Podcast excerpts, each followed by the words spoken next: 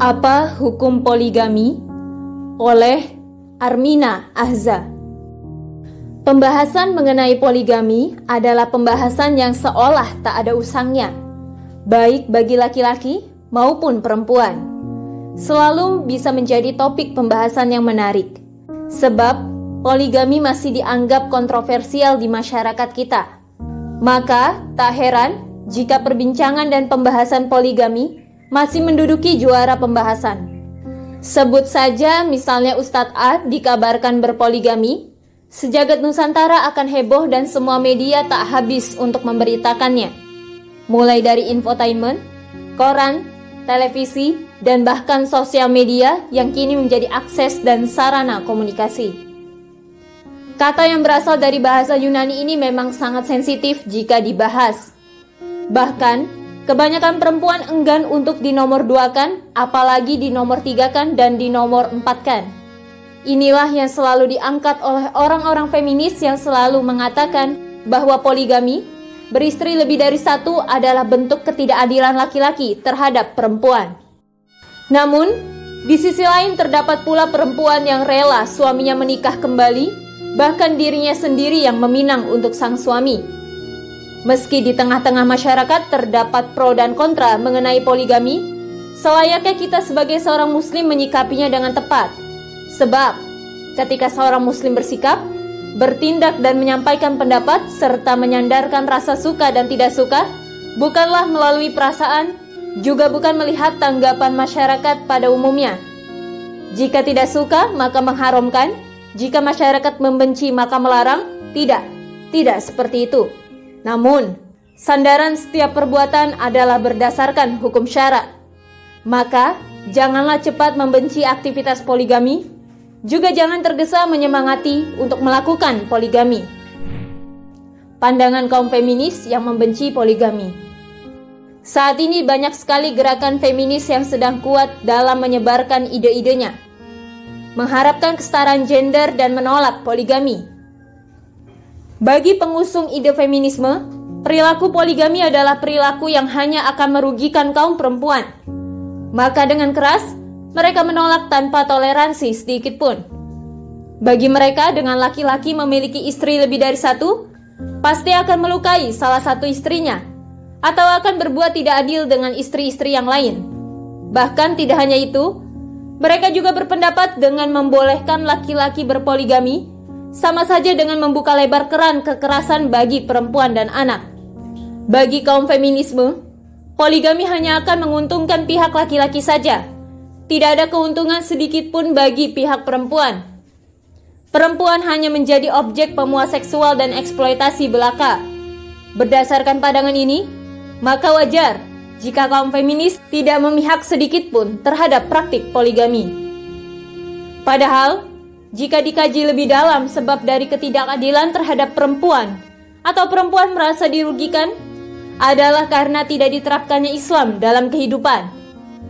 Ini yang menjadi sebab utama kepedihan dan kehinaan bagi perempuan. Bukan mengenai poligami, sebab mengenai poligami tidak ada ulama yang mengharamkan poligami. Sebab poligami sendiri diatur di dalam Islam. Dalil hukum poligami Menghukumi poligami harus sesuai dengan apa yang syariat tetapkan, bukan menurut prasangka, perasaan, atau sebaliknya. Secara naluri bagi kaum perempuan, seolah poligami adalah lebih banyak mudorotnya daripada manfaatnya. Namun, jangan terlalu terburu memihak atau menolak sebelum menyimak, meneliti, dan mengkaji dalil-dalil yang membahas poligami. Apakah poligami berstatus wajib, sunnah, mubah, atau haram?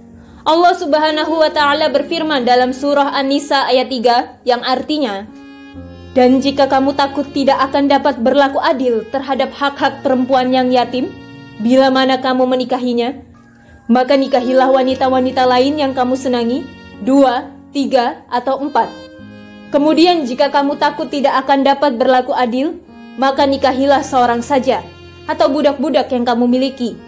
Yang demikian itu adalah lebih dekat kepada tidak berbuat aniaya. Ayat tersebut adalah ayat mengatur menangani poligami. Maksudnya adalah Allah telah memperbolehkan poligami, Lebih jelasnya surah Nisa ayat 3 merupakan ayat yang membahas mengenai pembatasan bagi seorang laki-laki agar mencukupkan memiliki istri maksimal 4. Sedangkan sudah menjadi budaya Arab saat itu bahwa memiliki istri banyak merupakan sebuah kewibawaan. Semakin banyak istri semakin wibawa dan kuat. Namun, Allah menetapkan hanya membatasi empat istri saja. Sehingga setelah turun ayat ini, bagi kaum muslim yang memiliki istri lebih dari empat, maka harus diceraikan. Lalu, bagaimana dengan hukumnya?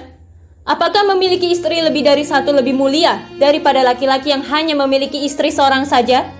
Apakah laki-laki yang memiliki satu istri lebih mulia dari laki-laki yang memiliki dua istri? Syekh Taqiyuddin Anabahani menjelaskan berkaitan dengan ayat poligami tersebut.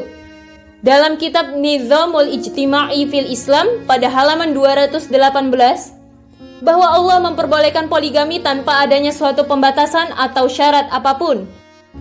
Jadi, hukum melakukan poligami adalah mubah, bukan sunnah, wajib, apalagi haram. Artinya, laki-laki yang memiliki istri lebih dari satu tidak berarti ia lebih mulia dari laki-laki yang memiliki istri seorang saja. Sebab menurut Allah, Sikap adil yang harus dikejar, sikap tidak mendekati kezoliman yang harus diutamakan. Bagi laki-laki, jika ia merasa mampu adil dengan memiliki lebih dari satu istri, maka boleh melakukan poligami. Bagi laki-laki yang takut tidak dapat berbuat adil terhadap istri-istrinya, maka boleh mencukupkan dengan seorang istri saja. Dari sini jelas, seorang laki-laki boleh berpoligami, tidak dilarang, juga tidak dianjurkan. Sikap sebagai seorang muslim pun tidak layak jika membenci poligami yang merupakan bagian dari syariat Islam yang dibolehkan oleh Allah. Seorang muslim bahkan sangat tidak patut jika menuduh poligami menjadi biang dari segala bentuk kekerasan dan kerendahan bagi perempuan. Wallahu a'lam.